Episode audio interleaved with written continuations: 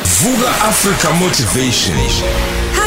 #ukhozifm VABS Angibingelele kusiqemeza ngibingelele kumroza ngibingelele studio ngibingelele umlaleli wokhoze FM simbonga uNkulunkulu.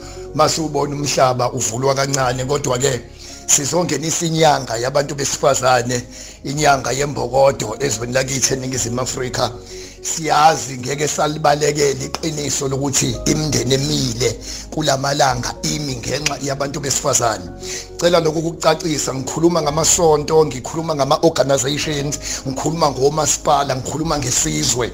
Umthandazo kaSathane ukuthi uma engadunga abantu besifazane ingqondo vele umhlaba usuphelile. Angiphinde again kuyenzeka ekhaya ubaba adakwe utshwala azabizwe ngesidakwa. Kodwa mangakadaka umuntu wesifazane izingane ziyafunda naleyo ndlu ihlonipheke kakhulu. Ngizothi ke kwimbokodo njoba silingenisa usuku silingenisa inyanga yabantu besifazane sithi umuntu wesifazane ulalele la ukhona njalo impilo ungayithathi ifane necar wash. Lapha ecar wash kunebhadi elikhona lokuthi kuwashwe imoto umzimbi washwe yonke into icwebezela inuke kahle kanti injini ayithintiwe angiphindi again impilo umuntu wesifazane ulalela ingafani necar wash. La ungalungisa ikhanda ulungisa amashiya uthwiza upenda umlomo ube nama hips kanti lapha engqondweni konakele. Nempumelelo yomuntu wesifazane kakhulu ayikho sohlobo sohlobtsheni lendoda ethile kufanele kuyithole cha ungathandazeli kakhulu uzuthandaze ngomoya. Hey baba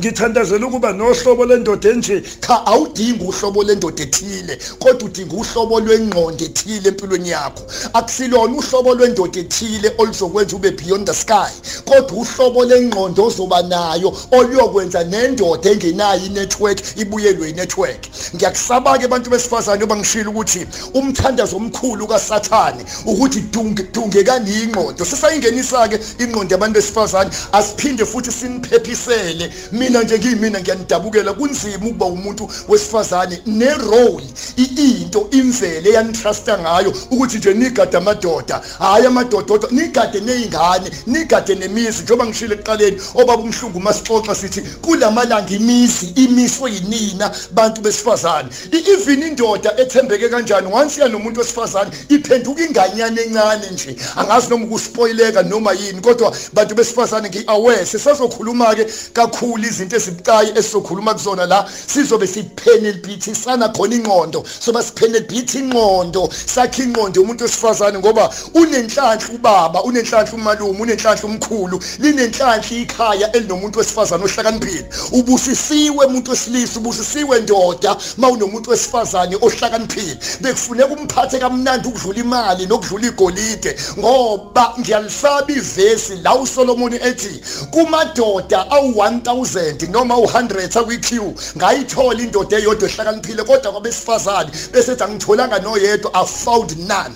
Lelo vesi siyolichaza ukuthi lisho ukuthini. Kodwa amadoda baphatheni kahle abantu besifazane bantu besifazane kumthandazo kaSathane ukuthi iba incwadi nje engizoyibhala izobe ikhuluma ngophi abawu3 la sikhuluma khona nge public success ne private pain. Ubonakala uphumelele eminyango bekushayila izandla kanti mawubi mawubuyela endlini uyakhala. Ubonakala udrive imoto ubonakala une hairstyle enhle ubonakala wenze yonke into but mawubuyela emuva uyasho ukuthi singcono nesihogo akekho umuntu ohlukumezeke kanje. Lapho sikhuluma ngepublic success impumelelo eminyango kanti une private pain usathana ukucuphile umuntu wesifazana ukuthi uma ekubona uyaphumelela ubusisiwe ukwenza ukuthi hlala endlini ungabi na peace hlala nomuntu ozokuhlafaza inhliziyo. Sizokhuluma ke abantu besifazane nakhona ngokuthatha idecision. Thatha isinqumo akekho umuntu oyokucabangela kodwa umuntu wesifazane uyoyicabangela yena. Nibalekileke embokodo kuyinyanga yenu siyingenisa nje. Enjoyani inyanga yenu sithembenini futhi i strongly believe ukuthi